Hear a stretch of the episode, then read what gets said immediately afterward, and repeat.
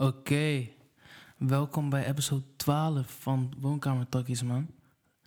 We hebben, denk 10, 11 weken gewoon non-stop upgeload. Elke week. En ik zeg eerlijk, ik dacht sowieso niet dat we dat zouden volhouden. Maar eh, we zijn sowieso tot 11 gekomen. Alleen uh, na 11 zijn we gewoon gaan denken van... Yo, hoe kunnen we deze content gewoon beter maken? En hoe kunnen we ervoor zorgen dat er beeld bij is? En dat heeft gewoon een weekje gekost. Dus uh, uh, we gaan jullie vandaag tracteren op uh, twee episodes. episode 1 met Willy Warto. En episode 2 met Bitkoning. ja, dus die video gaan we vooral uploaden op TikTok. Um, als je ons volgt op Instagram ga je ze ook langskomen zien op Reels. dus check dat vooral als je dat interessant vindt bij die nieuwe vibe en die video komt ook dat we een patch af hebben gemaakt. Dat is een, een, een soort van Nederlandse Patreon voor uh, de entertainment-kenners onder ons. En uh, ja, je kan daar doneren en je kan er ons echt helpen. Dus check dat vooral in de bio van, van de Instagram. deze episode is met Bitcoining, zoals je waarschijnlijk ook in de titel had gezien. En geniet van de episode. Servilette.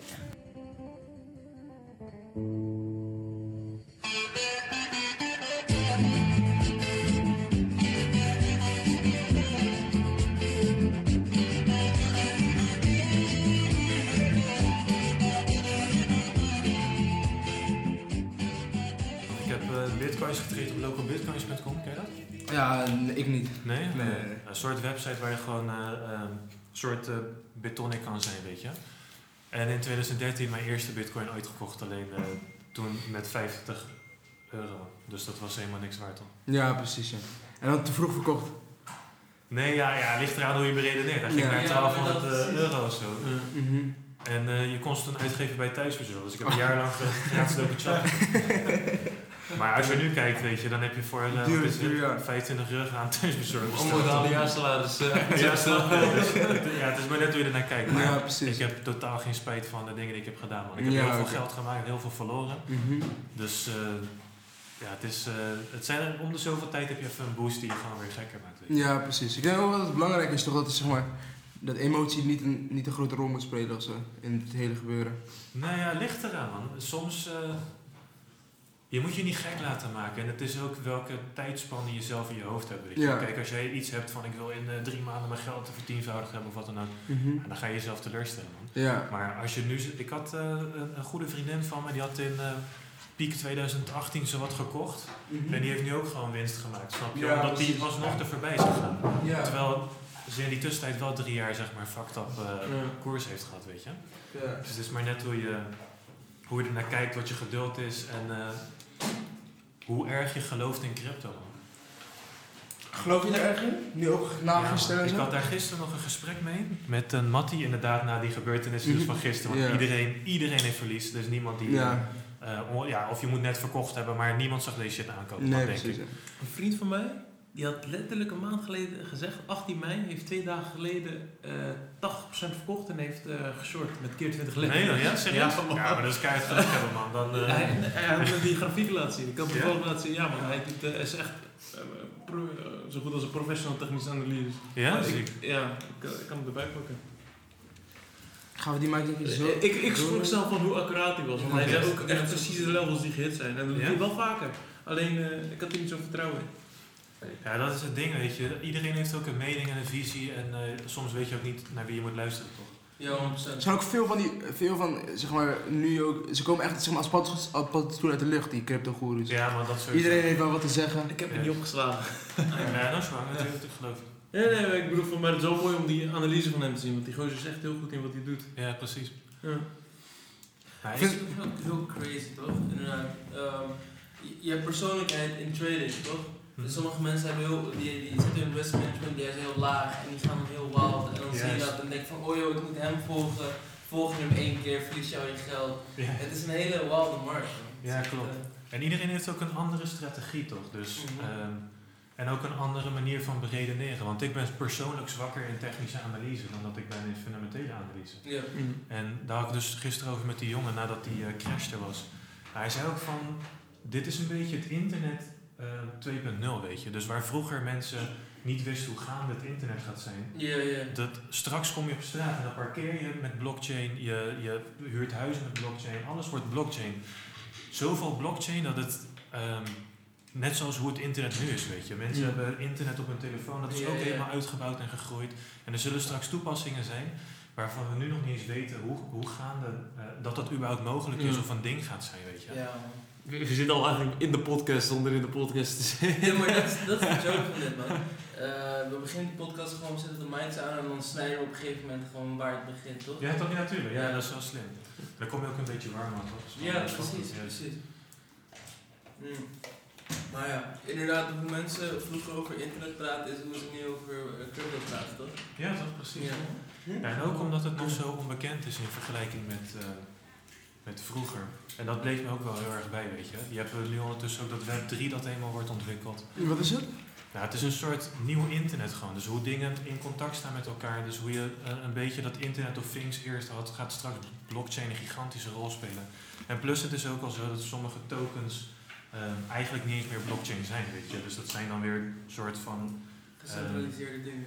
Nee, nog wel decentraal, maar gewoon weer ehm, ehm, innovaties daarop, weet je. Dus ehm, volgens mij is zo'n EOS zo'n ding, maar ook zo'n eh, Holo of wat is weer zo'n soort nieuwe blockchain die eigenlijk geen blockchain mag noemen.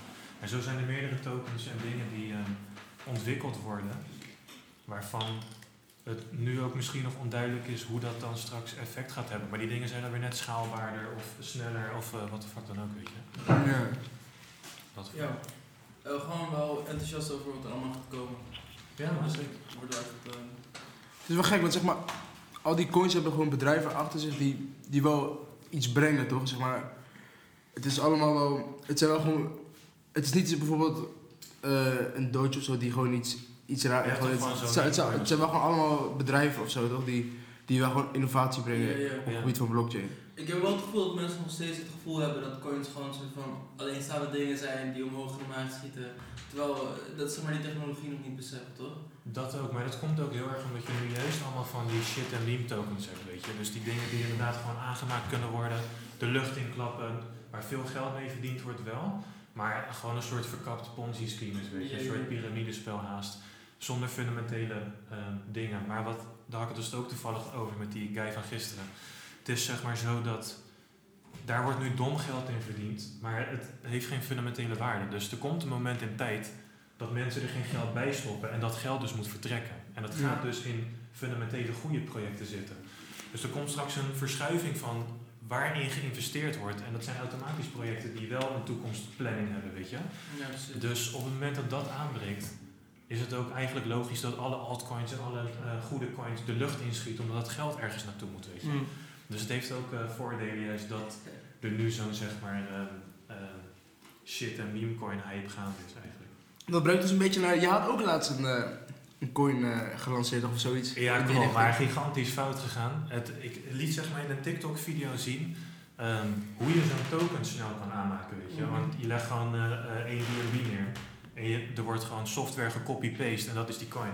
Dus ik had een video geplaatst van, "Yo, check deze coin, deze coin is zo fucking nieuw, niemand heeft hem. Er is maar één persoon die hem heeft en dan zie je zeg maar hoe ik gewoon klik, create coin, Ja, ja. maar wat gebeurt er? We zitten zeg maar gewoon in Discord en eh, ehm, eh, in die chat zeg maar.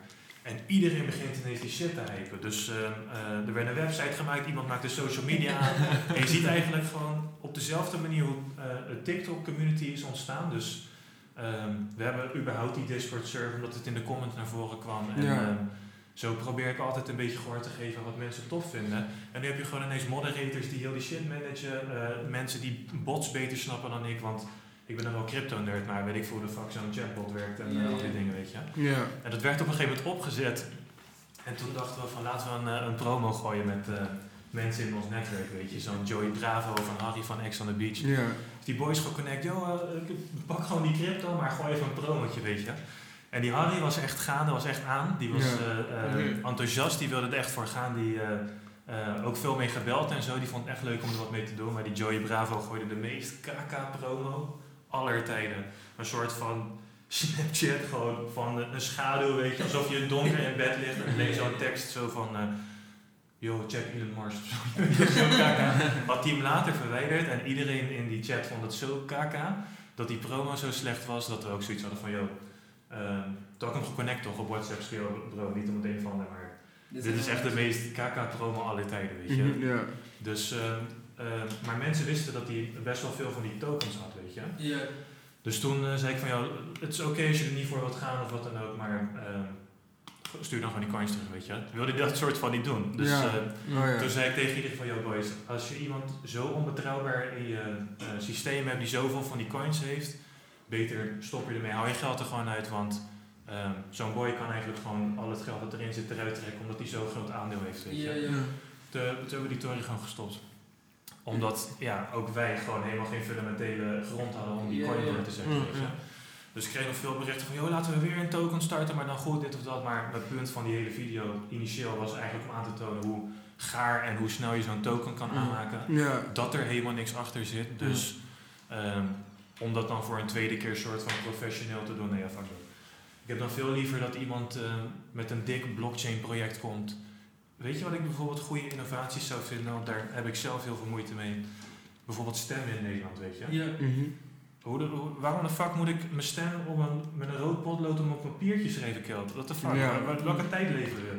Ik kan, nu, eh, ik kan nu letterlijk mijn telefoon pakken en een boy komt eten brengen en shit. Weet je, Ik kan zien waar de fuck die is. En ik moet letterlijk met een potlood iets aankruisen en een prullenbak deponeren. Letterlijk, het zijn altijd van die prullenbakken. Ja, echt gewoon- zo, ja. Toch? Ja, ja. En dan gaan ze een soort van stemmen en dan ja, dan kun je erbij zien dit en dat. Dan zie je later ook van die filmpjes dat mensen het verkeerd doen. Ja, stemmen ja, ja, geldig, er zit een potlood bij, of weet ik veel wat de fuck allemaal, weet je. Ja. Waarom zet je dat soort shit niet op de blockchain? Dat je open, transparant en een goede democratie kan hebben op basis van wat er echt gestemd wordt. En juist dat, dat het, maakt de blockchain zo sterk. Dat het open, transparant, eerlijk is. En, eh, maar ja, goed. Dan wordt het een beetje illuminatiepraat. Maar waarschijnlijk zijn er belangen bij dat dat, Ja. dat niet open en transparant inzichtelijk gemaakt wordt, weet je. Ja, ik denk dat security breaches ook wel echt een ding zijn, toch?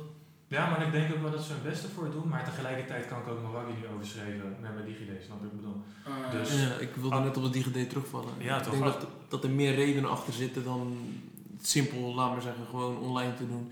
Dat er ook gewoon een bepaalde psychologische reden achter zit van je moet wel je moeite doen omdat je echt een deel van het land uit wil maken. bij Ja, precies. Snap je? Ja, de Ja. moeite moet wel soort van altijd vanuit Als- ons als- komen en niet vanuit de overheid of zo. Dat is wel echt Want, jij wilt bepalen uiteindelijk wie het land gaat besturen, weet je. En als iedereen dan lui zo net wakker wordt en niet eens echt, echt over nadenkt waar hij op wilt stemmen, weet je. Neem dan ook niet de moeite om te gaan stemmen. Moet je een Nee, test doen. Je moet eerst de, de, de stemwijze doen voordat je mag stemmen. Ja, maar weet je wat, weet je wat dat is, dan gaan we wel een beetje de politiek in. Ja. Maar wat ik sowieso vind, waarom de fuck moet ik stemmen op een boy of een partij die eigenlijk alsnog vindt wat hij zelf vindt. En dat je, ik had die stemwijze voor de grap gedaan, ik ben niet geweest stemmen, maar ik heb hem wel gedaan uit interesse toch. Ja. En dan scoor je zeg maar een 6 met van, joh, je staat 60% gelijk met die guy. Ja. Kijk, als Ja. ik 60% eens ben met iemand, weet je Dat hoe fucked ga up je- weinig dat is? Ja. Dat is toch gewoon kakken. Ja. Dus eigenlijk zou je, als je het mij zou vragen, en ik geloof niet in de democratie, maar stel je houdt dat systeem in stand, Ja. moet je gewoon zeggen, oké boys, eh, vandaag eh, gaan we het hebben over, moet, eh, weet ik veel, gewoon een, een topic wat op dat moment relevant is. En dan moet je kunnen stemmen met je DigiD, yo, ik vind dit wel of niet.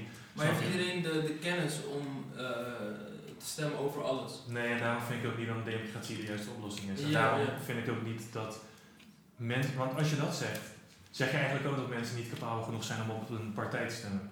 Toch? Nee, ik denk dat omdat er een stap tussen zit, Mhm. eh, dat je een, een filter hebt, toch? Ehm, als, als je ministeries hebt en in dat ministerie werken allemaal eh, am- ambtenaren die wel Mhm. weten wat ze doen. Als iemand dan stemt op, oh we gaan die richting op, we gaan meer groen, dan zorgen zij, de definiëren zij met je wat groen is, toch? Mhm. En als het is van, joh, we gaan meer bomen planten en iedereen kan dat doen, dan zit er geen kennis meer achter, toch? Ik denk dat dat het nice is van een indirecte democratie. Maar het heeft ook veel flaws, Ja.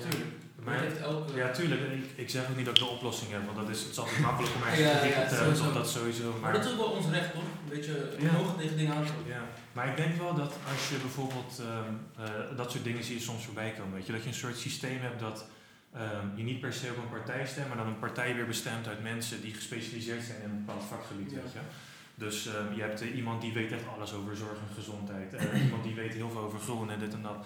Dat je soort van zo op die manier een soort eh bedrijf maakt naast als het ware, weet je. Het is ook een soort bedrijf, Mm, uiteindelijk. 100%. Wel gek dat zeg maar, om even terug te komen over zeg maar, het idee van stemmen, dat zeg maar, blockchain veel meer is dan alleen maar, zeg maar wat mensen denken of zo, toch?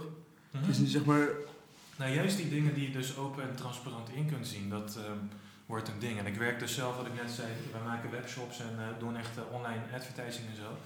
En ik had altijd al het idee van, als iets op de blockchain staat en het blijft er staan, waarom kan je dan niet een website gewoon op de blockchain zetten of zo? Dus ik ben het gaan opzoeken en dat is nu dus ook al tot op zekere hoogte mogelijk. En dat betekent dus dat dat best wel een probleem gaat vormen voor bijvoorbeeld hostingbedrijven, wat wij in principe ook zijn. Mhm. Wij zorgen ervoor dat websites live staan en dat kost dan een x bedrag per maand, omdat je die server een langere tijd in gebruik hebt. Maar wat nou als je een site live zet op de blockchain en hij staat daar? Dan heb je veel minder kosten om iets live te zetten, want het staat op de blockchain. En er, zijn, Mm. is een gigantisch groot netwerk dat ervoor zorgt dat zoiets live blijft staan. Ja. En dat zijn altijd nog wel dingen waar ik, weet je, dat is wat ik net zei. Soms zijn er al toepassingen mogelijk waar we nu nog niet aan denken, omdat we zelfs nu nog steeds een beetje beginnen te beseffen wat een blockchain is, weet je. Ja, ja. Ik had ook een vraag op TikTok van, joh, wat is nu een gekke opleiding om te doen als je daarin wilt specialiseren? Maar die dingen zijn, weet je, we Mm. lopen een beetje de tijd voor. Dat moet nog ontwikkeld worden, weet je. Mm. Ik had het al zelfs met, ehm, weet je, met, met heel veel beroepen. ehm, dat je eigenlijk een opleiding gaat doen die maar een deel raakvlak heeft met wat je daadwerkelijk wil gaan doen. Weet je? Of dat je in de praktijk andere dingen gaat doen dan die je op school leert. Dus laat staan deze dingen, weet je. Dan zou je een beetje een programmeurkant op moeten gaan, maar Mhm, dan leer je code in brede zin, maar niet per se over blockchain. En straks leer je een hele eh, taal op Ethereum en dan is er weer een andere boy die zegt van, joh, we hebben een gekker platform, bijvoorbeeld Polkadot of eh, wat de fuck dan ook relevant gaat zijn op dat moment. En dat, eh, dat je je dan weer daar moet specialiseren Ja. of wat dan ook. Ja, maar in principe programmeren is wel zo nice dat als je eh, geen general concept Mhm. snapt, dat je heel snel van talen kan switchen. Ja, klopt. Ik heb dat zelf ook wel, man. Dus we- ik kan helemaal niet, ik ben geen programmeur-nerd, maar ik kan het wel. Dus ik kan inderdaad code lezen, dit en dat. Toen had ik ook gekeken naar eh, cryptozombies.io en dan leer je dus in eh, Solidity te programmeren, dus die Ja. taal van Ethereum, zeg maar. Je kijkt ernaar en je snapt gelijk eigenlijk hoe het werkt. je. Ja, je ook zo'n soort zombie-game aan maken. Ja, super, eh, super dik om op die manier dan te leren wat je allemaal kan. En dan kon je eigenlijk leren om zelf dus een NFT-platform te maken. Oh, sick. ja, kijk, als je, dat dan, als je dat gewoon kan op een bepaald punt, Ja, ja, dat is ziek hoor. Ik, ja. eh, Mhm. Maar, maar in hoeverre denk je dan eigenlijk, want we praten nu over dat, dat het echt een heel groot gedeelte van de toekomst kan uitmaken. hm. Maar eh, eigenlijk de belangrijkste groep die, die, die, die bepaalt als het wel een vorm, of, laten we zeggen, in onze toekomst plaats gaat vinden, is de regering. En je hoort nu overal, ja, FUT wil ik het noemen, over het wordt dagenband, het wordt dagenband. En er, er is altijd, laten we zeggen, wel een, een, eh, laten we zeggen, een grip die de politiek wilt hebben, die de, eh, die de regering wilt hebben op wat wij allemaal doen, snap je? En op het moment dat je op crypto gaat, kijk bijvoorbeeld naar Monero, dat is een eh, hele... Ja, ze hebben daar absoluut geen grip op. Ze, hebben, laten we ze kunnen niks over ons zeggen in, in die opzicht. En daarom is dit moment in tijd zo belangrijk. Want we gaan niet alleen een verschuiving in van hoe we naar geld kijken, maar ook een verschuiving van macht en hoeveel grip er inderdaad is van een centrale instantie, of het nou een bank is of een overheid of wat dan ook. En die verschuiving gaat langzaam plaatsvinden. En ook al, kijk, er- gaat geen één overheid zijn die een bezwaar gaat hebben tegen technologische innovatie. Want de, landen die dat wel toestaan en gaan doen, die gaan zo ver vooruitlopen op andere landen, die dat Ja. dus wel verbannen, dat er waarschijnlijk een soort ehm, wet gaat komen die bijvoorbeeld juist privacy coins gaat bannen of eh, wat dan ook. Maar de sterke innovaties die er zijn en die Ja. we hebben, nee joh, dat gaat, eh, dat, ze, ze hebben geen keus om dat juist toe te laten, anders gaan ze achterstand creëren. Ja. En ik denk ook dat we op een bepaald punt, maar dat is een beetje meer spacend gedacht of zo. Maar op dit moment wordt crypto gebackt door USD, weet je, die stablecoins en dergelijke. Maar ik denk dat we op een bepaald moment in tijd hebben dat ehm, de crypto, ehm, of dat de normale fiat geld wordt gebackt door crypto, snap je? Dus dat er een soort verschuiving gaat zijn. Want het gaat niet zijn dat we hier ineens met een Litecoin gaan betalen of wat dan ook. Het is er misschien wel beter voor. Maar mensen zijn euro's gewend of dollars of wat de fuck dan ook. Ja. Maar hoe dat weer wordt gebackt gaat veranderen. Dus ik denk dat we zo een soort verschuiving gaan krijgen. Denk je dat nooit het moment komt dat zeg maar eh, cashgeld of zeg maar veranderd wordt door, door crypto, door blockchain? Eh, ik denk wel dat... Dat het een- nee, ik denk het niet. Man. een nationale valuta wordt bijvoorbeeld. Nee, ja, ik weet het niet. Ik, ik, eh, Of dat de, euro, dat de euro zeg maar op de blockchain komt als, als een... Als een dat, crypto. dat is dus wat ik bedoel. Ik denk Ja. dat, dat mensen altijd gewoon blijven betalen met euro. Ook omdat zo'n verandering super heftig is om ineens te zeggen tegen een land van... joh, we hadden eerst schulden, nu hebben we euro en nu hebben we de, de leid euro of zo. Weet je? Nee, nee, nee. Maar ik denk wel dat we gewoon euro's hebben, maar dat hoe de euro gezien wordt verandert, weet je, welke Ja. waarde de euro heeft. Ja, ja. Want dat, eh, dat gesprek had ik dus ook ge- Hoe gehad. zit het eigenlijk met deze lamp? Want eh, hij gaat hier net aan en uit. met- ik weet, ja, ik denk omdat we bewegen, toch? Mm. Oh ja, nee. Ik ga Sorry, ja. Maar het is. ehm, ehm, wat je ook moet beseffen is dat heel veel mensen ineens heel veel geld staan verdienen, eh, juist met crypto, weet je. Dus. ehm, en ook crypto wordt ineens heel veel waard. Er komt superveel geld extra de economie in. Er wordt geld bijgeprint, normaal fiat geld en dergelijke. Dus we gaan een soort misschien wel moderne hyperinflatie tegemoet. Dat mensen ineens gewoon zomaar miljoenen hebben, weet je. Die generatie komt eraan, slash Ja. is er al, weet je. Ja, het gebeurt al. Ja, toch, tuurlijk. En laat staan als je heel veel geld hebt. Als je dan, stel je hebt al 10 miljoen en je doet je geld vertienvoudigen. Wat helemaal niet ongezien is in deze cryptomarkt. Heb je ineens 100 miljoen, weet je. Dat geld gaat ook weer ergens naartoe. Dus je kan zelfs straks stellen, maar dat is eh, zeker geen zekerheid of wat dan ook. Maar dat, dat er straks om in mensen, bedrijven en wat dan ook zijn die 100 miljoen te spenderen hebben, weet je. En ik denk dat dat dus een soort verandering gaat zijn in koopkracht die mensen hebben, weet je. Je gaat Maar straks... het geld komt ergens vandaan, toch? Er wordt zwart geprint. Nee, maar meer van... het Cryptogeld komt allemaal uit fiat geld. Dat sowieso. Fiat geld is ter verduidelijking gewoon... Het is gewoon euro's. Ja. Mhm. Ja, ja, ja. En eh, het soort van, eh, er wordt geld bijgeprint. Maar dat geld komt niet in de, in de onderlaag van de samenleving te, te zitten. Maar het, het moet Ja, soort toch? van trickle-down dingetje zijn, toch? Ja? Dus het is niet zeg maar, en het meeste geld dat in, in zeg maar, crypto wordt verdiend, is zeg maar, omdat 97% van de markt geld verliest, toch? En dan 3% wint geld. Dat is toch altijd het ding van traden? Ja, dat is met daytraden dus. Maar wat, wat er tegelijkertijd gebeurt is dat een mar- market cap bepaald wordt aan de hand van wat een bepaalde coin waard is en wat de circulating supply is op dat moment. Dus het kan zomaar zijn dat, stel er zijn duizend coins van iets Ja. en wij verkopen er één Ja. voor 1000 euro, dan hebben we deze market cap van eh, een miljoen. Terwijl er maar 1000 euro in het spel is, snap je? Oh ja. En dus ehm, wordt er een bepaalde waarde ge- eh, gehangen aan bepaalde crypto's. Hebben mensen een bepaalde eh, waarde in een portefeuille en zo, in een portfolio. Ehm, maar dat geld is ook soort van getoverd, weet je. Het is maar net de waarde die er aan eh, vasthangt. En op het moment dat mensen gaan switchen naar fiat geld, dan pas komt het weer de echte wereld in als het ware. Dus je kunt soort van heel makkelijk met geld schuiven en enerzijds het ook creëren, want ehm, die crypto's zijn niks meer dan software. Dus die coins worden ook gecopy-paste en wat dan ook. Maar die eh waarden die al die crypto's hebben, worden wel weer toegevoegd aan de totale market cap die de hele crypto-economie heeft. Ja. Dus ook daar komt er steeds meer geld bij dat eigenlijk een soort van gecreëerd wordt gewoon. Ja. Ja, wat ook gewoon met euro's gebeurt, toch? Ja, tuurlijk. Ja, dat is wel... Juist met die euro's, want die komen erbij. En ik ben het met je eens dat ehm, de onderste laag van de samenleving niet per se dat ehm, geld in handen krijgt, maar het gebeurt wel degelijk. Dus ehm, het heeft dus nog impact op de koopkracht die je Oh ja, hebt 100%. en de inflatie die we gewoon hebben met z'n allen. Ja. Dat is ook de reden waarom vastgoedbedrijven of wat dan ook altijd die, eh, hoeveel is het, 2% of zo huurverhoging doen en al die dingen om een soort Ja. van inflatie tegen te gaan. Maar Hm. Wie, bij wie gebeurt dat? Krijgen wij 2% eh, extra salaris of Ja. dat, dat soort dingen zie je niet gebeuren. En ik denk wel dat crypto ook daartegen een soort van eh, goede defense is, weet je. Ja, precies. Eh, In de sens dat het een investment is die zo, zo, van omhoog kan gaan, waardoor het die inflatie tegengaat. Ja, ook. Of omdat het zeg maar, een, een market cap heeft die vast blijft zitten, waardoor er...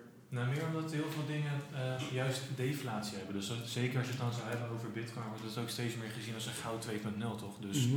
meer opslag van waarde. Juist Ja. omdat er dus sprake is van inflatie.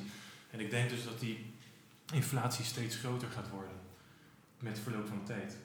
Dus ook al heb jij nog steeds 100 euro in je zak, kan je er veel minder mee bereiken dan 20 jaar geleden.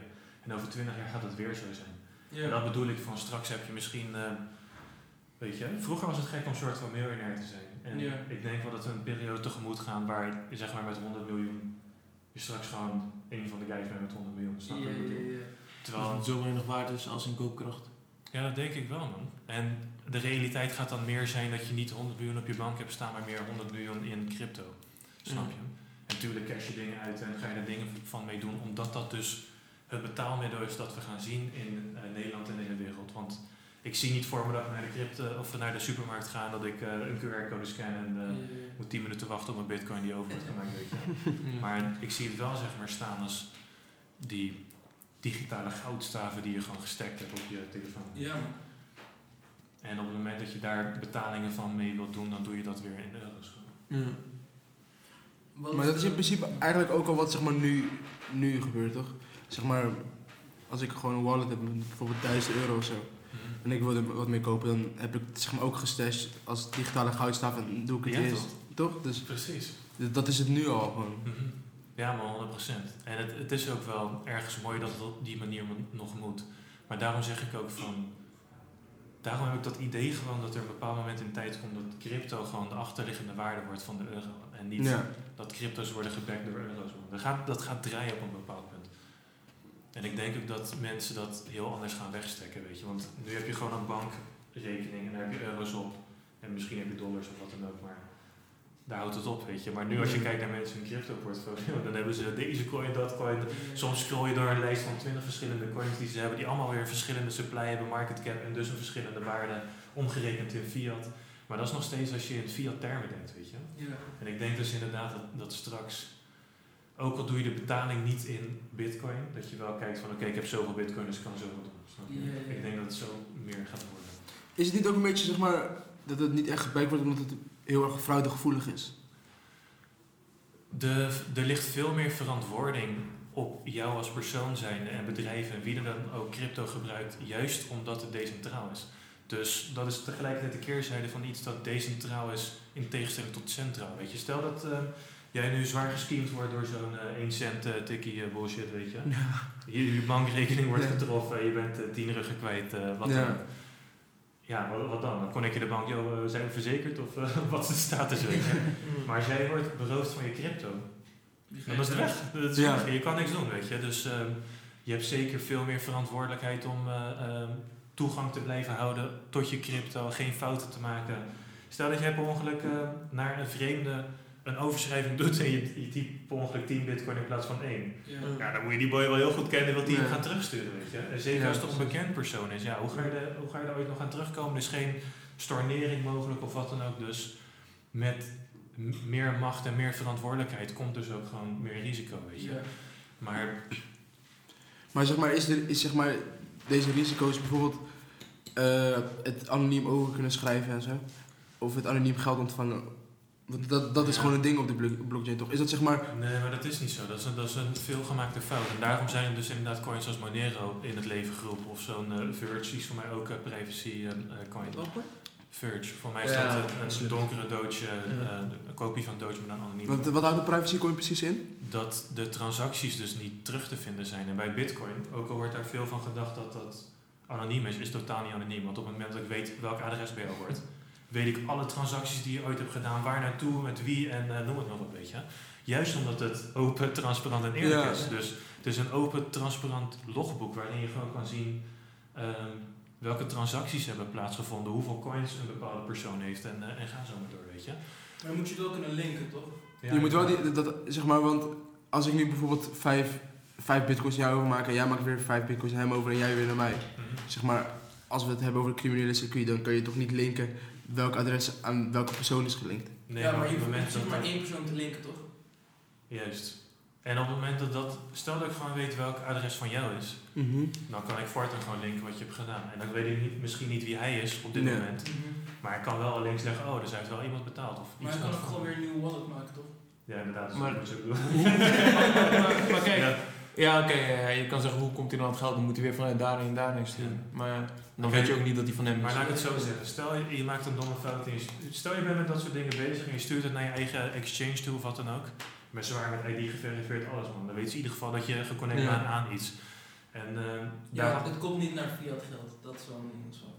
Dat is wel allemaal Ja, dat- dat- KYC dingen. dat kan nog steeds. Daar heb je dan ook weer manieren voor. Maar eh, stel dat je dat dan niet zou doen of je laat je op een bepaald punt in tijd wel verifiëren. Dan weet Ja. iedereen gewoon welke transactie er plaats is gevonden. Ja, ja. Maar tegelijkertijd denk ik dat als je bezig bent met crypto, die belastingen zijn kapot weinig man. Soms lees ik van die comments van, joh, ik ga het eh, wegsturen, wat dan ook. eh je betaalt kapot weinig belasting. Ja. Dus op het moment dat jij, volgens mij was het zo dat tot 50.000 euro is sowieso belastingvrij.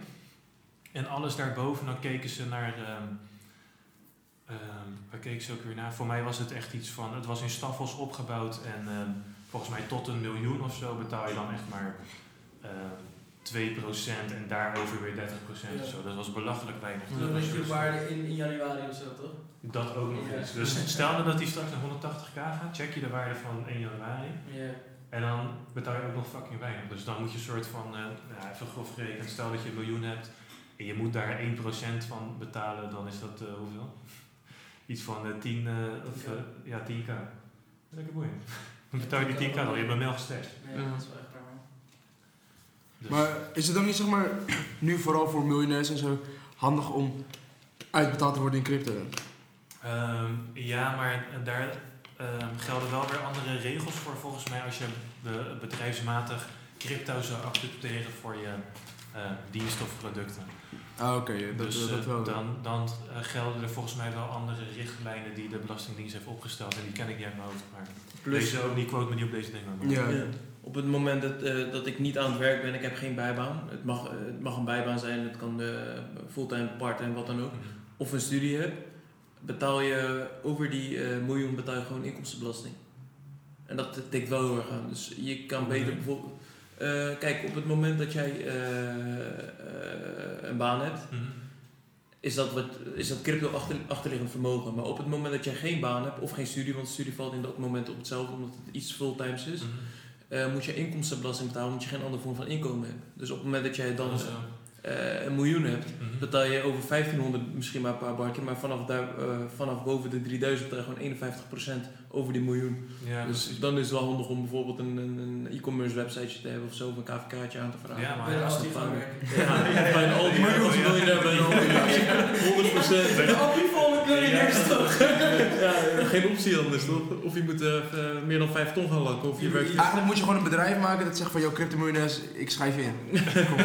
ja, dat- ja, dat is echt een goede optie. Het is, het is, ja, je hoeft maar eh, vier uurtjes te werken en je valt dan niet meer onder de, onder de, dat, dat cryptovermogen valt dan niet meer onder, eh, onder de inkomstenbelasting. Eh, Ja man, als die Maar- regels zo zijn, zou ik dat ook zeker doen. Maar Ja. ik zou als eerst, als je een miljoen hebt, zou ik als allereerst gewoon een guy aannemen die daar verstand van heeft. Een belastingadviseur. Yo, ik heb mijn mail, wat gaan we doen? En misschien zegt hij wel gewoon van, joh, eh, gooi ook iets in vastgoed of weet ik veel wat. Ja. Weet je, ik zou me zwaar laten adviseren. Ja. Ik denk wel dat er altijd mensen zijn die dat net beter weten of eh, eh, advies kunnen geven. Ja. Dat je denkt van, oké, inderdaad, ik pak nu gewoon een bijbaan, een uurtje op iets. Dus dat er ook Ja, ja, ja. ja, ja, ja. Je kan de eerste dingen optillen omdat je pols is. Ja. Maar hoezo denk je dat is eigenlijk... eh, er is zeg maar super veel angst, toch? Want ik, nee, ik dacht, zelfs ik dacht dat het zeg maar super fraudegevoelig is, toch? Terwijl het eigenlijk super transparant is. Maar hoezo denk je dat die fout gemaakt wordt? En dat mensen denken dat het anoniem is en voor, crimine voor criminele circuits. Ja, omdat dat een beetje het excuus is dat al werd opgegooid in 2013, weet je. Dus ehm, ik merk ook dat het excuus rondom crypto steeds een beetje verandert. En dus aan het begin was dat heel erg van banken en zo. Die zijn ook niet gek. Die zien ook wel dat dit zwaar disruptief is voor een hele business eigenlijk, weet je, die ze Mm. hebben. Want straks zijn mensen om- in staat om zelf een rekening te openen zonder tussenkomst van... Want een wallet is eigenlijk al een rekening, snap je? Mensen kunnen straks betalingen doen en al die dingen. Dus ehm, daarmee wordt automatisch grotere instanties worden daarmee gewoon bij het Ja. spel gezet tot op zekere hoogte. En dat is ook een heel, heel discussiepunt dat je nog kan voeren. Maar ze worden toch op, op een bepaalde manier gepasseerd gewoon in eh, de normale gang van zaken op dit moment. Dus aan het begin in 2013 werd heel erg gezegd van ja, het wordt alleen op het dark web gebruikt, het is zwaar crimineel, dit en dat, weet je. Terwijl nu wordt het steeds moeilijker om te zeggen, omdat er juist heel veel innovatieve ideeën ook staan, weet je. Dus er komen gewoon hele leuke concepten ter wereld. We hebben ineens smart contracts, al die dingen, ehm, die er vroeger niet waren. Dus nu kan je niet meer zeggen van, joh, het is voor criminelen, want er worden fucking dikke concepten uitgebouwd. Weet je, een crimineel gaat dit niet doen, toch? Die wil gewoon anoniem betaald worden. Ja.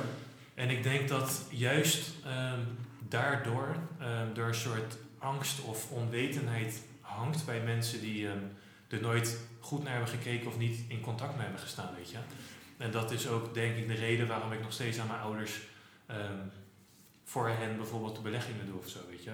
Bijvoorbeeld mijn ma heeft gewoon gezegd, koop gewoon elke maand een beetje bitcoin op Lightbit en fuck it, kijk er gewoon niet naar, fuck de koers, doe gewoon dat. Zorg gewoon dat je steeds meer bitcoin aankoopt, weet je. En, eh, maar die gaat zich echt niet bezighouden met wat een smart contract is en Ja, eh, ja, ja. hoe dat straks eh, eh, gaat en wat de supply is van een coin en eh, waar ze mee bezig zijn, wie het fucking team is erachter of op een website zit. Nee, fuck dat. En ik denk dat mensen die eh, sowieso ouder zijn of de tijd er niet voor nemen. Want je moet best wel de tijd nemen om te snappen wat crypto is, wat je ermee kan. Wat ik zeg, mensen die er zelfs in zitten kunnen nog niet bedenken wat er straks mogelijk is. Dus laat staan eh, mensen die er niet eens de tijd voor willen nemen, weet je. Mm. En ehm, dat is ook de reden waarom heel veel traditionele bedrijven of mensen of wat dan ook terughoudend zijn bij crypto. Plus dan heb je ook nog die situatie dat ehm, Ripple bijvoorbeeld in een rechtszaak verstrengeld zit. Wat ook gewoon een druk legt op financiële instellingen die van plan zijn om eh, in te stappen. Want we kijken nu allemaal wel naar bijvoorbeeld zo'n Tesla of een... ehm, ehm, ja, dit jaar dan Tesla, dus zeg maar de nieuwe McAfee van, eh, van deze Zo.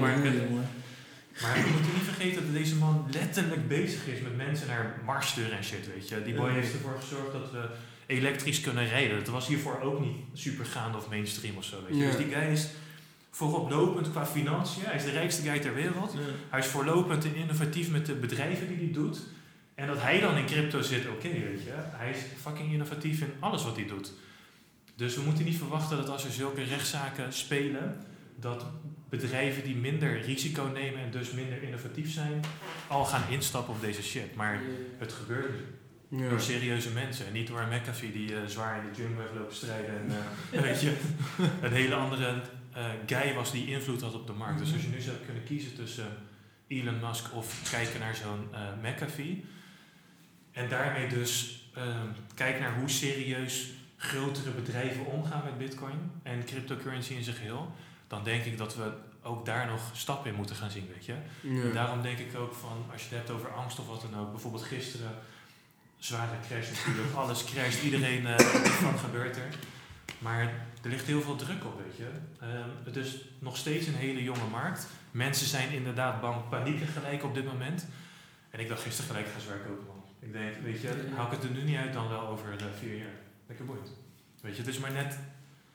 Hoe, hoe lang moet je wachten op je geld en, en ehm, stop je er elke maand bij of niet, weet je? En als je elke maand gewoon de markt aan het kopen bent, ongeacht wat de prijs is, dan moet je gewoon wachten tot je zo'n crash hebt als deze. Fuck it wat die waard is eh aankomende vier jaar, maar je weet wel dat die over vier jaar sowieso meer is. Toch? Ja, man. Het- als je er vertrouwen in hebt, dan maakt het niet uit wat er crasht of wat er omhoog gaat. Dan is het alleen maar goed toch nu dat het crasht. Of zo. Ja, daarom. Dus, dit is, dit is juist die feestperiode. Dat is die summer sale. Dit is die summer sale. ja, die fire sale. Ja. Fire show, het licht gaat weer aan je? Ja. Het is, het is is... Ja, echt zo. Maar, Een, een beetje een persoonlijke vraag. Wat, wat, vind je eigenlijk van eh, XRP zelf? Want je had het er net toevallig over. ehm ja, XRP Ripple dan, toch? Je, je leest daar veel verschillende ideeën over en dergelijke. Pak even een nieuwe stoel voor jou, dan is het wel echt een kraken. Ja? Pak Is de mijne? Dit is jouw die kraken. ja. Zo. Dat is net zo voor. Hallo? Oh, je bent ook aan het filmen? Ja. Oh nee joh, ja toch? Ik dacht even met geluid toch? Ja, Ja, oké. zeg maar, we, we deden eigenlijk alleen maar audio. Alleen, eh, zeg maar, in video, daar zit echt soort van de engagement op. Ja toch, ja toch. Je kan niet soort van een, een audioclip op Instagram zetten. Niemand gaat Nee, zetten. Nee, ik vind het ook leuker bijvoorbeeld met zo'n uh, of zo, weet je. Ja. Als ik dat op Spotify zou hebben, zou ik niet luisteren toch. Maar je ziet ze chillen, je ziet ze Ja. op Ja, interactie hebben, dat is leuk man. Maar uh, je vraag van, uh, wat, is, uh, wat vind ik van Ripple? Uh, je leest daar heel veel verschillende uh, meningen over, weet je. Van uh, de ene guy zegt dat het centraal is beheerd en de andere guy die is er wel voor, de andere is er tegen. Maar ik keek er eigenlijk best wel anders naar, weet je. Fuck, fuck wat ik van Ripple vind. Ze kregen die rechtszaak, die koers ging zwaar naar beneden. Ik denk, oké, okay, dit is wanneer je koopt. Ja, dus net als gisteren, als het zakt, dan koop je. Je moet eigenlijk heel andersom staan in wat, wat je gevoel geeft. Want Mhm. je ziet rode cijfers en dus associeer je dat met verlies of, uh, ja, of pijn of wat dan ook. Maar dat is juist het moment wanneer je instapt. En dat was voor mij met die rechtszaak van, uh, van Ripple, dacht ik van oké. En het was opvallend, want ehm, geheel die periode zag ik ook op TikTok heel veel video's van ja, uh, Ripple, ik ben er geen fan van, dit en dat. Terwijl als je op dat moment koopt, en ik had hem rond de 700 Satoshi gekocht of zo, dan, ehm, en nu staat hij op uh, 3200 zelfs na die crash. Dat is fucking flex, weet je. Dat is 3000 Satoshi extra op de aankoop die je hebt gedaan. En ik had alleen gekeken van, oké, ik keek naar die grafiek. En ik ben helemaal geen technische analyse guy. Maar als je zeg maar kijkt naar die grafiek, je ziet dat die lager is dan wat die ervoor was. En daarvoor stond hij op 2000 voor die crash. Ik dacht, oké, snelle verdubbeling als die gewoon teruggaat, weet je, na de rechtszaak. Ja. Wat gebeurt er tijdens de rechtszaak? Pakt hij al door, mensen bescheid en eh, die Tory gaat gewoon verder, weet je. Maar nu denk ik van, oké, ik timer hem rustig tot na die rechtszaak. Ja. Pas september of zo gaat die klaar zijn. Tenminste, kan, kan er eh, ge- eh, gesetteld worden, sch- schikking worden getroffen. Ja. Ja, dan, eh, tot dan sowieso hou ik Ripple vast. Oké. En ehm, ja, als zij de bankenindustrie willen verbeteren en er voor banken zijn, lekker boeiend, weet je. Want wat ik zeg, die banken zijn er bewust van dat, ehm, dat blockchain een ding wordt, dat ze Ja. ingehaald worden tot op zekere hoogte, of eh, dat in ieder geval is, iets disruptiefs bezig is. Ja. Dus als je dan een crypto hebt die zich daarvoor inzet, ja, fucking mooi toch? Ik Ja. denk dat dat, eh, het is niet zo dat dat niet gaat gebeuren, Ja. dat zij de blockchain gaan integreren. Ja. Maar zeg maar, je had het net over 2013 en zo. En zeg maar, blockchain is nu dan al acht jaar een ding. En Ja toch? zeg maar, wat is dan. Ik zit in, ik, in het wereldje zit ik denk ik niet langer dan, zeg maar, eh, denk zes maanden actief. En Mhm. door, eh, door Samir denk ik eh, zeven, of ja, zeven, zeven maanden wat meer, is gewoon passief of zo toch? Mhm. Maar sinds 2013 en nu, wat is er dan veranderd in zeg maar, gebruik van, van de blockchain? Is het zeg maar heel erg veranderd of wordt het nu veel meer gebruikt? Of? Goede vraag. En je moet eigenlijk beseffen dat Bitcoin is eigenlijk de eerste vorm van blockchain die we überhaupt kennen. Dus de eerste keer dat die techniek gelanceerd is. snap je? En dat is eh, eind 2008, begin 2009 zeg maar gebeurd. Toen wisten mensen eigenlijk niet hoe gaande dat, dat he- die hele techniek eigenlijk is. Weet je, wat je er allemaal mee kan. En in 2013 is denk ik, juist omdat je daar die eerste soort van piek mee maakte, dat, de- dat, want iedereen die er in 2009 bij was, die heeft het gekocht voor een paar cent. Weet je. Dat zijn heel weinig mensen die dat kunnen navertellen. Het was ook best wel een echte nerd, nerdgroep, zeg maar, die zich daarmee bezig hield. En ehm, daarna denk ik dat het ook toch wel onder andere is gegroeid door het, überhaupt het dark web, weet je. Dus dat er Mhm. eh, online dingen aangekocht konden worden, werd ineens het criminele circuit ehm, gedigitaliseerd en geïnnoveerd eigenlijk tot op zekere hoogte. En ik denk dat daaruit ook dus die negatieve berichtgeving van ja, het wordt alleen gebruikt door criminelen, dus dat. Maar dat heeft er wel voor gezorgd dat meer mensen erover te weten kwamen, die tijd. En dan in 2013 ehm, was dus die gekke koersstijging. En op dat punt en moment in tijd zijn mensen en, eh, die er verstand van hebben ook veel meer bewust geworden van de andere mogelijkheden die er überhaupt zijn met blockchain. En die zijn daar naar gaan kijken en die zien dat zoiets minder goed schaalbaar is, eh, sneller kan, dat je er ook misschien smart contracts op kan bouwen. En dat heeft dan ook weer tijd om zeg maar te ontwikkelen en, en verder te komen. Ehm, en dat wordt steeds meer. Wat is je vraag? of het zeg maar echt significant is geïncreased van 2013 tot, tot nu, zeg maar. En denk je dat het dan door gaat zitten zeg maar, op hetzelfde, dezelfde hoogte? Want voor mijn gevoel niet per se, toch? Maar wat heeft precies geen crisis? Zeg maar gewoon eh, de, het gebruik van de blockchain, zeg maar, in... Ja, maar zwaar. erg En, de- ja, precies. En dat is dus ook waar ik naartoe wil, zeg maar. Dus mensen komen, kwamen er toen een beetje achter wat er überhaupt kan met blockchain. Moeten ze nog ontwikkelen, doen dit en dat. En dan in 2017 was voor mij het gevoel dat het weer aantrok en dat, dat je ineens... eh, want toen waren we ook wel actief, toch? Wat ik zei, dat Ja. de op local bitcoins eh, kwamen ook mensen tegen. En wat ik daar zo leuk aan vond destijds was dat... Dat was een periode, nu, nu weet iedereen al een beetje van crypto, wat een bitcoin is, wat de fuck dan ook. En in begin 2017, maart of zo, was je blij dat je iemand erover kon spreken die diezelfde interesse had, dezelfde visie zag, wat er mogelijk was. En als we inderdaad te praten van, wow, heb je gehoord over een XLM, heb je gehoord over een Ripple? Kan dat? Nee joh, wow, what the fuck. Ik weet nog dat een van mijn beste maten eh, destijds in 2017 bij me kwam. Toen we aan het traden waren op local bitcoins, eh, op de, eh, met bitcoin dus. En dat die zei van, joh, ik heb iets gehoord, Ethereum, fucking ziek. Heb je gehoord van Ethereum? Ik zeg, ik kom niet. eh, vroeger zat je op die sites van 4chan en zo. En daar komt Doge ook een beetje vandaan, toch? Ik zeg, nee, kill, zal alweer zo'n Doge zijn. En als je dat nu zegt, klinkt het gek, want Doge is door het dak gegaan. Dus als je nu kijkt. Oh, Maar, maar, de- maar destijds was het alsnog zo van, eh, fuck die Doge, weet je. Ik heb er altijd wel zo in gestaan. Toen zei ik ook, hij zegt, nee joh, check het nou even, ga nou alsjeblieft even lezen. Dus wij gaan zo zitten en wij lezen zo. Smart contracts, wat de fuck is dat? Wat, wat kan je ermee, weet je? Ik zeg, dit is echt inderdaad gaande. En destijds stond eh, Ethereum op 20 euro, dus wij Ethereum kopen op Lightbit, ook nog Boomgaar, wisten niet wat een exchange was en zo, weet je.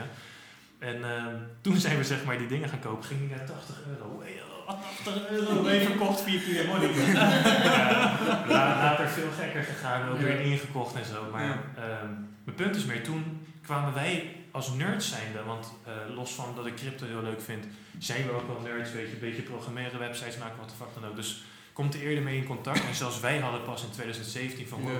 kan dit überhaupt? Dit, dit gaat echt een ding worden. Mhm. Je zag af en toe een TED-talk eh, van iemand in de tussentijd van, yo, blockchain is een gaande, maar dan denk je, oké, ja, is gaande. Weet je? Ja, maar je ja. hebt nog niet voor je van Mhm.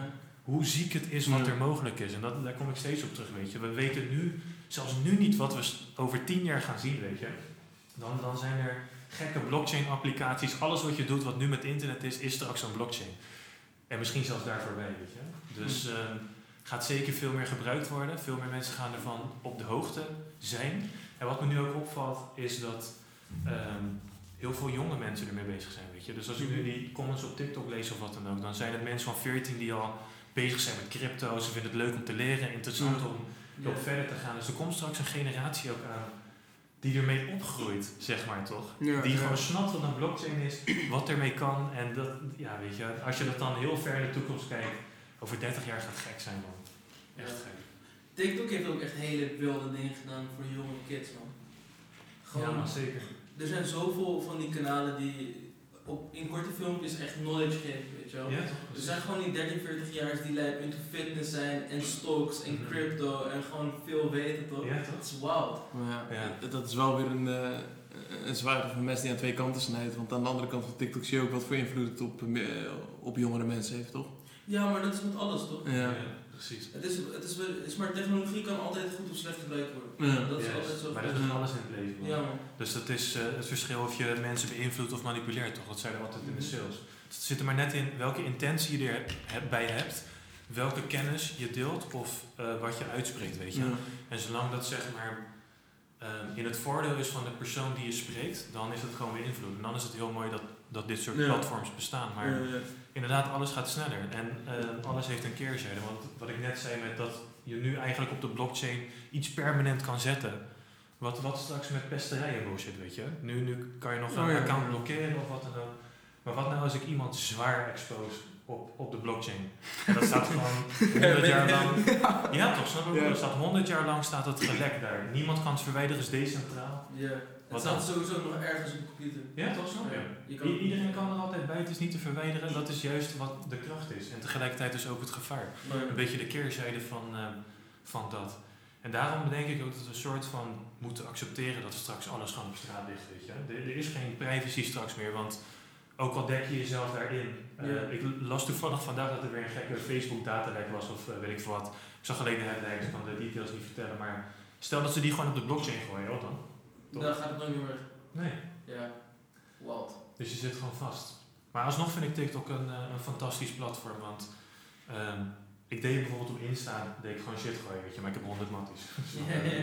Matties, mensen die ik ken, zeg maar, die me volgen.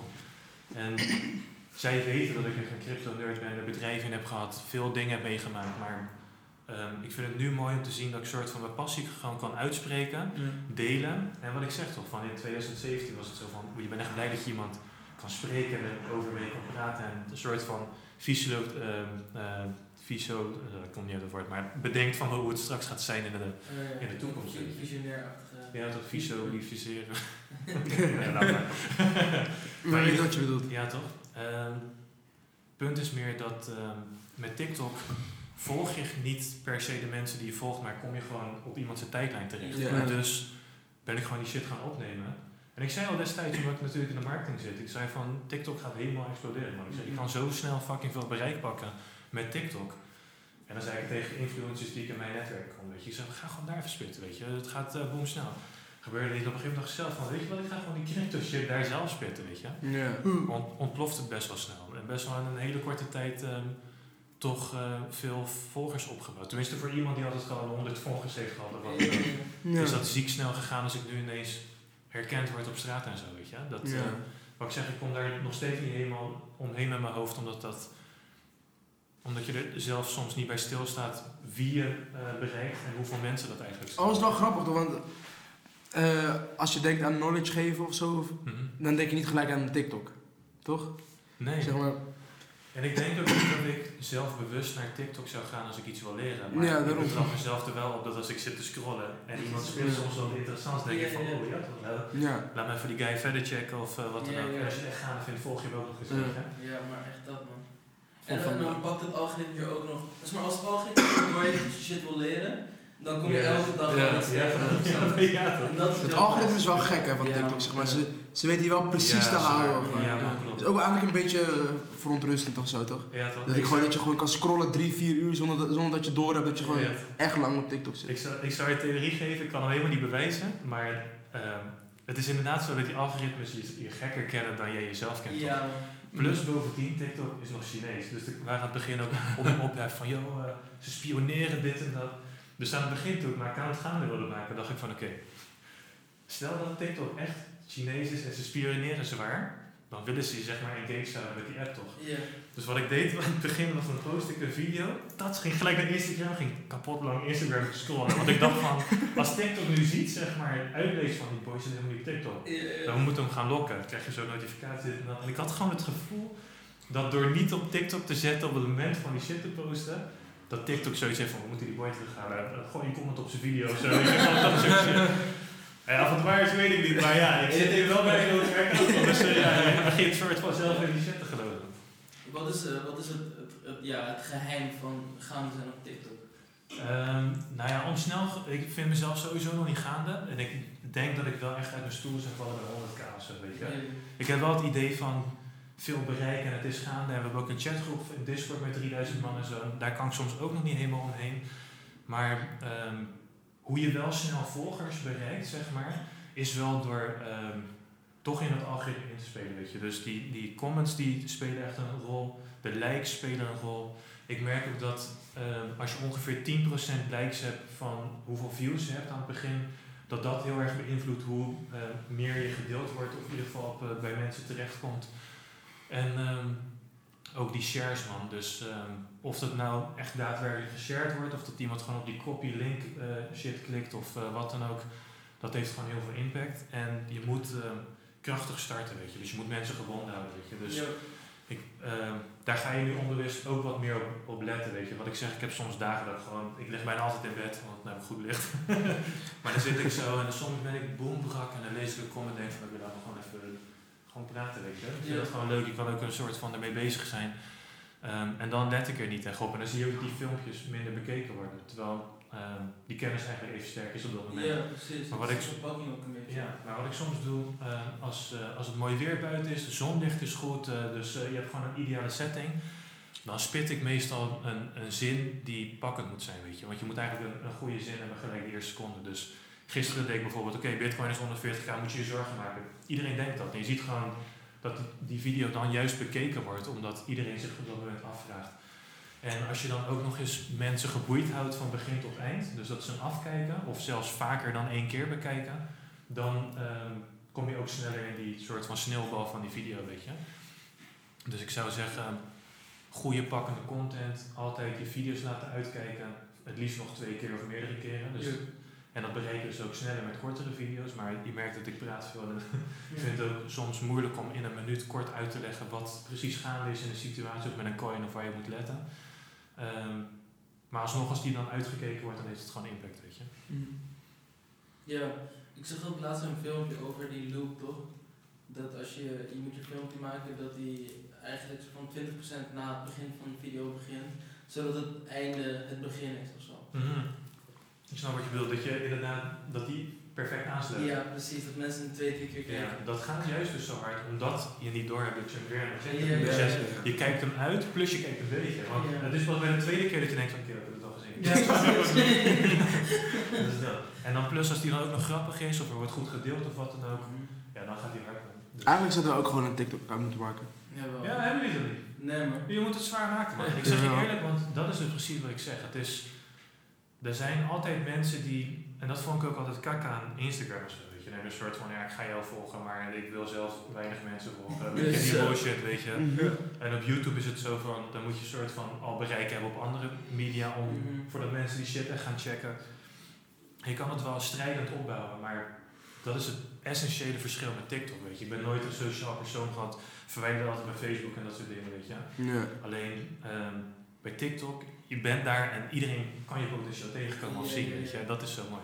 En ik denk ook dat als ik geen TikTok had, dat ik er niet zo bedreven mee bezig zou zijn. Want dan zou ik ook niet, weet je, ik deed af en toe wat op Insta plaatsen, maar alleen als ik het echt op dat moment super hard vond wat er gaande is, weet je. Maar Ja. nu ben je elke dag toch een beetje bezig, weet je. Ook met kleinere gebeurtenissen of ehm, je krijgt gewoon een comment van iemand die niet weet hoe zijn fucking wallet werkt of zo, weet je. Dan ben je toch even die shit even kort aan het uitleggen. Ja. Dus je blijft er zelf ook bewuster mee bezig, waardoor het ook weer, waardoor je automatisch ook weer meer kennis vergaart, weet je. Want als je er gisteren niet op zou zitten en je check je wallet, denk je, wat de fuck is gaan. Ja. Ja, ja, maar 100%. Ja, Eh, je, je bent zelf ook een, een marketeer, toch? ja dat is waar. Ehm, en neem je TikTok mee om eh, je, je marketing te doen voor bedrijven? Nou, niet voor mezelf. En eh, wij doen ook vooral webshops. Maar ik vind het dus wel interessant om te kijken naar. Ik had het daar. ehm, ik heb een beetje contact gelegd met die eh, Lorenzo ook van TikTok. Die heeft iets van 700.000 followers.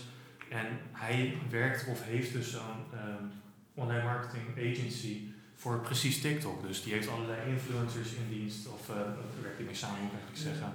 En ehm, toen vroeg ik ook aan hem van, draai ook die ads? Want ik vind het dan weer super interessant als marketeer om te zien. Dat je sponsored post kan, eh, kan knallen en zo.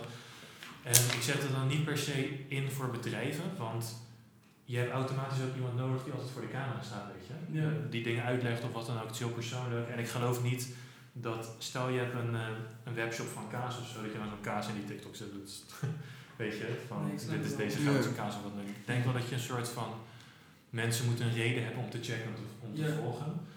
Eh, maar dat doet niet weg dat ik er wel zelf aan heb gedacht om bijvoorbeeld eh, een crypto cursus te starten of wat dan ook. En dan gewoon een video te maken waarin je dat coacht en die dan gewoon te sponsoren op TikTok, Ja, weet je. Dus dat je ehm, ook geld achter je content zet, juist om daar zelf aan te verdienen. Want ik verdien eigenlijk helemaal niks aan TikTok. Snap je? Ja, het is meer voor de reach of zo. Hmm. Of het is een, hobby. Ja, eigenlijk ehm, is het aan het begin helemaal voor niks geweest, weet je. Want Mhm. wat ik zeg, ik had er geen doel bij om per se groot te worden op TikTok. Of ehm eraan te verdienen of eh, wat dan ook, weet je. En ook alle dingen die er nu dus zijn, zo'n Discord server of wat dan ook, die zijn er juist omdat daar gewoon om gevraagd werd. En ik vind het wel mooi om te zien dat dat zichzelf soort van uitbouwt. En ehm, er, was dus op een punt dat ik dacht van oké, ik ga echt een crypto cursus maken en dit en dat. Dus heb ik gewoon gevraagd aan die boys, "Yo, wat vinden jullie eigenlijk prijs. Want je hebt dus van die crypto gurus en dan eh, moet je 2000 euro Ja, voor een cursus, dit en dat. Ja. En ik zie gewoon mensen die vinden het gewoon tof. Die zeggen meer van, ja, omdat je er tijd in steekt, vind ik het tof om ervoor te betalen. En het liefste tussen de 200 en, eh, of 100 en 200 euro. Nou, doe ik het voor 50 toch? Wat de fuck, Ja. weet je. Dus ik vind het meer cool om mensen oprecht te helpen. En dat je dan iets uiteindelijk er nog uit weet te halen. Dat is mooi meegenomen. Maar ik heb het A niet nodig, want ik heb gewoon een goed lopend bedrijf. B, we hebben de crypto die lekker gaat. Ja. En als dat dus ehm, iets oplevert omdat mensen dat gewoon oprecht tof vinden, dat, dat ik dat voor ze doe, ja, dan eh, een beetje gunstige vriendenprijs toch? Ik bedoel, wat ik zeg, ik sta nog heel erg stil bij dat ik het al überhaupt tof vind dat mensen je oprecht gewoon volgen voor wat, wat je zegt eigenlijk, weet je. Dus dan moet je die mensen ook gunnen. Dat zijn een soort van je day ones, weet je. Dat, eh, zo kijk ik er wel naar. Staat ook op de planning die eh, crypto, die crypto cursus? Ehm, ja man, dat, eh, daar ben ik mee bezig, maar omdat ik zo druk ben aan met mijn eigen bedrijf en ehm, Ja. ehm, je automatisch weinig tijd overhoudt.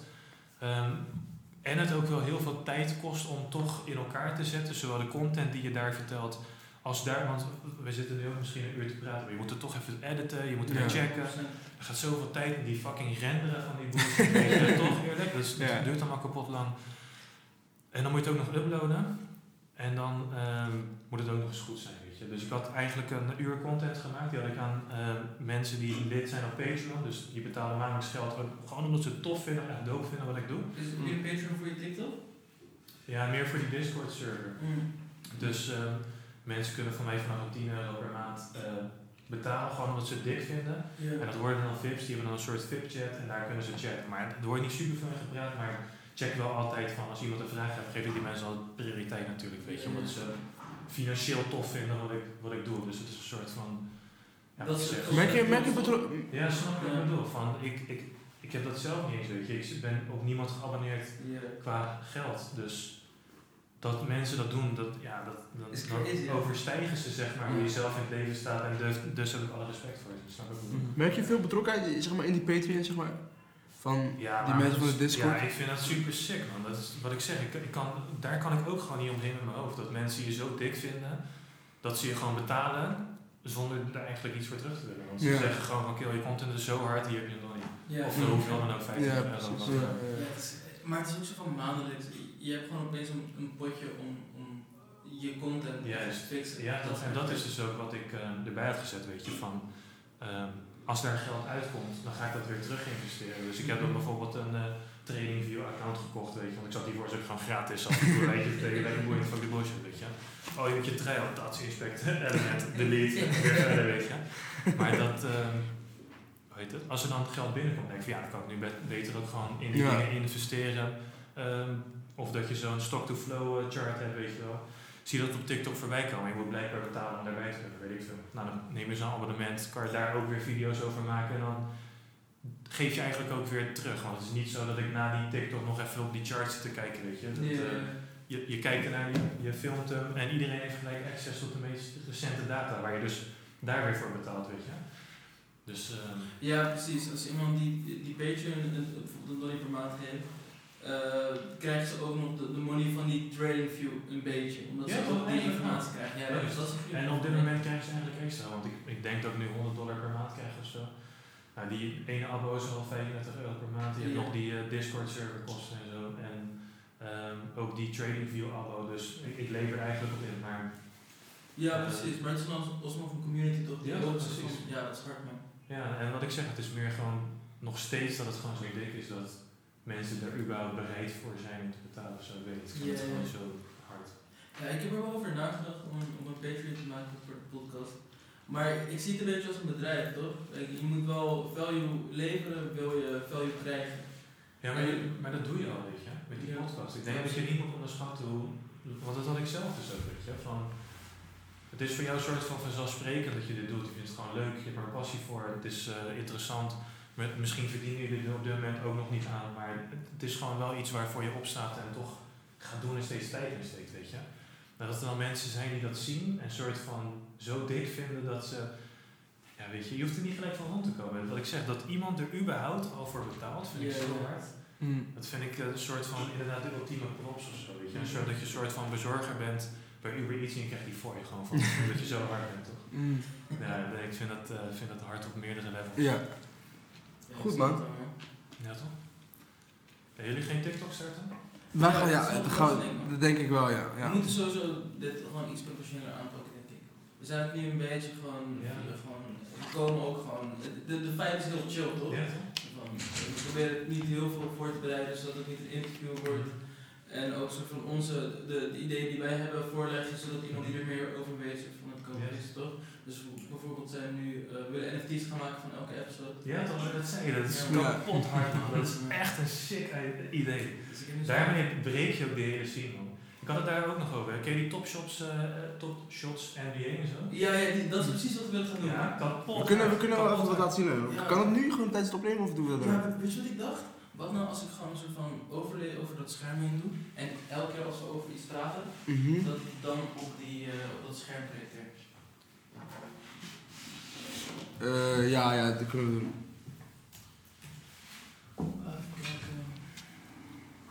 Is dat nog een uh, NFT-project waar je heel erg uh, enthousiast over bent? Ja, weet je wat het is met die NFT's? Het is een, s- dat is. ehm, ar- je hebt een verschil tussen kijken naar NFT-projecten en Ja. daadwerkelijk de NFT zelf, zeg maar. En ik denk dat NFT-projecten echt booming gaan zijn. Want inderdaad, dit is ook zoiets, weet je. Waar ik het, de mogelijkheden zijn er om nu een moment te, te monetizen, zeg maar. Ja. Dus mensen Ja. kunnen een moment in tijd zo hard vinden Ja. dat ze hem willen hebben. Ja. Hoe dan? Dat is bal, hè? En nu doen we het met terugwerkende kracht.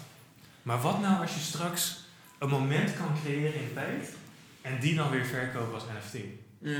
Wow. Dat je gewoon Ja, vooruit denkt. Ja man, we hebben straks hele gekke settingen man. En Ja. dat, In principe dat is wat we nu doen, toch? Zeg maar, Ja, we, maar we plannen een aflevering en die kunnen we monetizen, toch? Of, of bedoel je iets Dat anders? maakt het eigenlijk zoveel wilder. Stel je voor je lanceert die NFT inderdaad voordat de episode online is. En dan kunnen mensen soort van buyen als ze denken dat die episode hard is. En met een NFT kan je ook nog die exclusive content meegeven. Dus je kan zeg maar iets meegeven wat eh, de rest niet heeft. Dus bijvoorbeeld Oh, ja. een e-mailadres om te contacten of wat dan fuck dan ook. Gratis entry naar iets, een download, extra bestanden. Dus je kan, je kan het heel gek, heel gek maken man. Dat is echt, eh, Dat is onze, eh, de, zeg maar... Dat is maar de voorkant, ik moet die achterkant nog even editen. ja toch? Maar gewoon een beetje die sportcard vibes. Ja? En ik ga het nog in een, in een 3D bestand zetten, dat het zeg maar een draaiende kaart is, weet je wel. Ik zou, oké, zal ik je tips ingeven? Ik zou ook gewoon, net als dat normale podcast, zeg maar stukjes uitknippen van Mhm. leuke momenten. Zo kan je deze ook weer opdelen. Dus je kan een soort ook een bundel maken, dat je dus alle momenten kan kopen. Of je koopt gewoon een moment, of je koopt de hele episode. Ja, want we dachten gewoon, we zetten zeg maar de hele episode erbij. op de kaart. Ja, toch? We dachten de kaart met de episode, dat was onze, Juist. ons idee. Wat je, wat je kan doen, ook, zeg maar, er staat nu een foto toch? Mhm. En als we daar gewoon een video in zetten, de video die zeg maar ook op Instagram komt. En dan kan je Oh gewoon ja, ja. de stukjes op, ja. Ja. Er is zoveel mogelijk. Of, of als ik een, eh, een rapper zou zijn of een artiest. Oh joh, je moet een hele album uitbrengen op een NFT man. Of een losse liedjes of wat dan ook. Eh, meet and greet erbij als je hem Ja. koopt, weet je. Ja. Je kan daar zo gek in, Ja. in, in worden. We hebben wel En- echt al online mails gestuurd naar mensen. Ja, Daar ja, ja, toevallig ik, ik, ben, ik ben ook bezig. Ja. Ik ga niet voor je liggen. maar meer naar eh, artiesten man, van schilderijen en zo. Oh, sick. Ja. Ja. ja. Een vriend van me is, eh, is bezig met, eh, hij, eh, hij maakt schilderijen en hij zet het op, eh, op feature. Ja toch, dat is toch hard? Dat is kapot ziek man. Ja, zeg maar, er zit er een, een, eh, een canvas eh, NFC tag in, in het canvas. En die kan je dan scannen en dan kom je zeg maar op die transaction. eh, Oh nee hoor. Oh ja, dat is ook hard man. Ik zag pas ook zo'n eh, soort hoodie of zo. Een shirt of weet ik wat. Die kon je ook scannen en dan kon je zien van ja, deze is wel de, als NFT zeg maar zijn. Ja, toch? ja, En daar was er ook maar echt één van. Dus dat, Dat is... eh, ja, dat bedoel ik man. Weet je, fuck, denk daar nu aan toch. Dat je een soort van shit in het echt kan kopen die ook weer is vastgelegd op de blockchain. Mhm. En misschien daardoor ook weer extra bijbehorende features. Ja. Eh, ben Baller heeft net eh, een soort van eh, gouden basketbal uitgebracht. Mhm. En als je de NFT koopt, krijg je. Ja toch, dat is wel ziek. Ja, kill. Dat is, dus, dus zeg maar dingen die... Hoe dingen eerst zeg maar werden gedigitaliseerd, hebben we nu dat digitale dingen weer fysiek worden gemaakt. Ja. Eigenlijk toch? Ja, Ja, dat is als je het nadenkt, is het best wel ziek. hè. Ja toch, het wordt steeds meer één ding. En dan heb je straks ook nog VR en al die bullshit. Dus ehm, Hoe kijk je tegen VR eh, e-commerce dan? Live, livestream dingen kopen tijdens livestreams. VR. li- livestream of dat je gewoon een bril opzet en je bent ineens in Amazon. Ja, ik, ik was een beetje. eh, eh, Maar die kan ook toch, snap je? Ja. eh, ik, ik, mijn, eh, ik doe nu een ontwerpproject eh, waar we een bril moeten ontwerpen. En eh, ik was gewoon een beetje aan het kijken naar trends. Mhm. En heel veel, heel veel van, die, van die reports zeiden van, joh ja, eh, live buying is nu een ding, want mensen die naar winkels kunnen, dat Juist, gewoon ja, een toch? livestream toch? Maar he- hebben jullie Picnic? Kennen jullie Picnic? Ja, Ja, ja, dat ja. is die, eh de supermarkt ding toch? Ja toch? Maar Ja. wat daar fucked up aan is, is je moet van tevoren weten wat je gaat eten. Ja. Wat nou als je gewoon die VR-tory opzet en je loopt door die picknick zo van, oh zo lekker, oh is dat een aanbieding, zo gek? Want dat is wel eh, de, zeg maar, kritische noot van picknick, weet je. Mensen willen dat niet vooruit plannen, ze willen gewoon naar de winkel lopen en even kijken. Ja. Maar dan doe je dat digitaal straks. Ja. Geen anderhalf meter meer. Ja toch? Wow. Maar eh, goede innovatie, ja toch? Welke vorm en wat dan ook, ik, sta, ik ben 100% fan van dat soort dingen. Ja. Hoe- neem je dat mee in je werk? Dus maar kijken naar innovatie en. Ja, moeilijke man. Ik heb dat, eh, je bedoelt echt gewoon mijn werk toch? Met? Ja, ja. ik heb meer, eh, ik kijk, heb altijd wel een innovatieve blik op de dienstverleningen die wij doen. Dus daar heb ik ook mijn scriptie over gehad. En wij hebben, dat heet CLCare Unlimited. En wat wij doen is zeg maar, ehm, we gaan naar een webshop en dan zeggen we oké, in plaats van dat je hoge uurtarieven betaalt en eh, eh, wat dan ook maandelijkse bedragen, noem het maar op. Wij gaan gewoon je bedrijf verder helpen en wij pakken eh 4% van de omzet. Dus ik ga nooit zeggen, je strippen zijn er op, je tijd is op, what the fuck. Hoe meer jij gaat verdienen, hoe meer wij gaan verdienen. En ik denk dat, ehm, dat kwam dus voort uit een onderzoek dat ik had gedaan, dat mensen zeiden, ja, IT'ers vullen altijd hun eigen zakken, je weet niet hoe lang en hoeveel tijd ze aan iets Ja. spenderen, de uurtarieven zijn fucking hoog. En ik heb altijd een strijdende mentaliteit gehad, man. Ik ga rennen voor jou en als jij wint, win ik automatisch. En toen dat ging met één klant, dacht ik, oké, ga ik nu rennen voor twee klanten, en nu drie en nu vier. En zo bouw je zeg maar dat systeem uit, waarbij eigenlijk het voortouw neemt ehm, door juist innovatief een bepaalde dienst eh, te ontwikkelen. Want de eh scriptievraag was dus ook van, stel dat je nu doet webdesign Rotterdam, zie je tien pagina's met allemaal dezelfde boys die allemaal zeggen, ja, waar maken websites, weet je. Yeah. Ga je checken, niemand onderscheidt niks, gekke verschillen in prijzen, de ene vraagt 100, de andere 1000, de andere Ja. 10.000. Hoezo, weet je? Het gaat toch meer om de waarde die je geeft. Mhm. En dat, ehm, maar ik zit dus niet te denken over verjaardag of zo bij het bedrijf, man. Het is meer de vorm waarop ik die bedrijfsvoering doe, die innovatief is. Maar ik heb nog geen eh, plek kunnen geven aan eh, bijvoorbeeld TikTok advertising of juist Ja, ja. VR-project of wat dan ook. Terwijl het me wel heel dik lijkt om ermee bezig te zijn. Yeah. Maar ik ben ook een keer eh, vies failliet geweest omdat je dus ehm, te veel dingen tegelijkertijd wil Ja. doen. Ja. En ik had me voorgenomen met start van dit bedrijf, wat ik ook ga doen, ik ga gewoon mijn focus houden op dit bedrijf. Ik ga dit uitbouwen. En zit daar verbeteringen in, zal ik hem meenemen. Maar het is niet dat ik nu ineens, ook al vind ik het veel cooler eigenlijk, eh, dat ik ga zeggen, oké, ik ga nu de VR of zo. Weet je wel. Ja, precies. Ja, zo van e- eerst dit bouwen, als dit compleet stil Focus is, heel belangrijk. Ja. Focus en discipline. Als je die twee dingen hebt in het leven, dan bereik je alles. Ja. 100%. Ik had ook eerst voor mezelf van je moet de ideale dag samenstellen. Dus Mhm. Stel nou dat je dus een een goede dag hebt waar je in je sport ehm, en eh, groei maakt in het bedrijf, eh, ehm, vroeg gaat slapen, gezond eet, wat dan ook. Dan kan het niet anders dat als je die dag blijft herhalen, kan het niet anders dat je na tien jaar nog steeds gaar bent eigenlijk, toch? Dan ben je toch gewoon uitgebouwd, gezond, je hebt een fucking dikke bankrekening, alles. Als je gewoon elke maand of elke dag bezig bent met groei en het weekend vrij neemt, dan kan het niet anders dat je ook groei maakt in het leven. Ja, En persoonlijk leven en waar je staat en de relaties die je om je heen hebt. En, ja, maar dat is wel een goede manier van denken, man. Ik denk dat veel mensen het moeilijk vinden om bijvoorbeeld te sporten, omdat ze zeggen, ja, ik ga pas over een jaar kast zijn, toch? ja, nou dat bijvoorbeeld, weet je. Je moet niet verwachten dat je in één, één dag breed bent. Ja, precies. Maar als je elke dag gaat, kan het niet anders dat je Ja, over drie jaar wat de fuck nou kast bent, toch? Gewoon één dag naar voren kijken en Ja, precies. Zolang je maar groei boekt, man, progressie. Ik had ook eerst zeg maar, ik had heel veel slechte gewoontes in mijn leven. Gewoon van eh, laat wakker worden tot aan eh, de hele dag blow en eh, weet ik wat, weet je. Maar dan kan je wel eh, geen planning hebben, agenda, wat dan ook. Maar ehm, als je gewoon naar jezelf kijkt en je schetst de ideale situatie, waarbij je zeg maar weet van ik moet gezond eten, ik moet op tijd zijn, ik moet eh, geen drugs gebruiken, ik moet wat de dan ook. Dan is het heel zwaar om het allemaal in één keer te doen. Ja. Maar als jij gewoon één maand pakt, je gaat daarmee maar één slechte eigenschap weghalen. En pas als je die onder de knie hebt, pak je de volgende. Ja. Als je dat blijft volhouden, kan het niet anders dan dat je gewoon aan, na een jaar kijkt en denkt van oké, ik heb nu twaalf gekke dingen veranderd in mijn leven. Kijk waar ik nu sta. En dan Ja. heb je misschien al in dat jaar bereikt wat je aan het begin had opgeschreven, wat je wilde verbeteren toch? ja, dat is 100% waar. Ja. Gewoon stapjes is altijd mooiste. Juist, het is makkelijker te doen en als je een terugval hebt, dan val je niet in één keer terug naar de oude situatie of Ja. zelfs slechter. Want dan is het meer van oké, ik vond het laatste punt dat ik heb opgepakt moeilijk. Maar ik ga nu weer letten op eten. Snap je? Ja, Of, Het is gewoon checkpoints, toch? ja, exact man, checkpoints. Ja man. Goeie dingen. Ja toch? Ja. Ja, maar goede afsluiter, denk ik. Ja, denk ik wel. Ja, man. Dankjewel voor, eh, voor de update. Ja, het was leuk dat ik er mocht zijn. Überhaupt dat ik in de overweging ben genomen. Oh ja. Wat ik zeg, ik vind ook dat gewoon echt super hard nog steeds. Dus eh,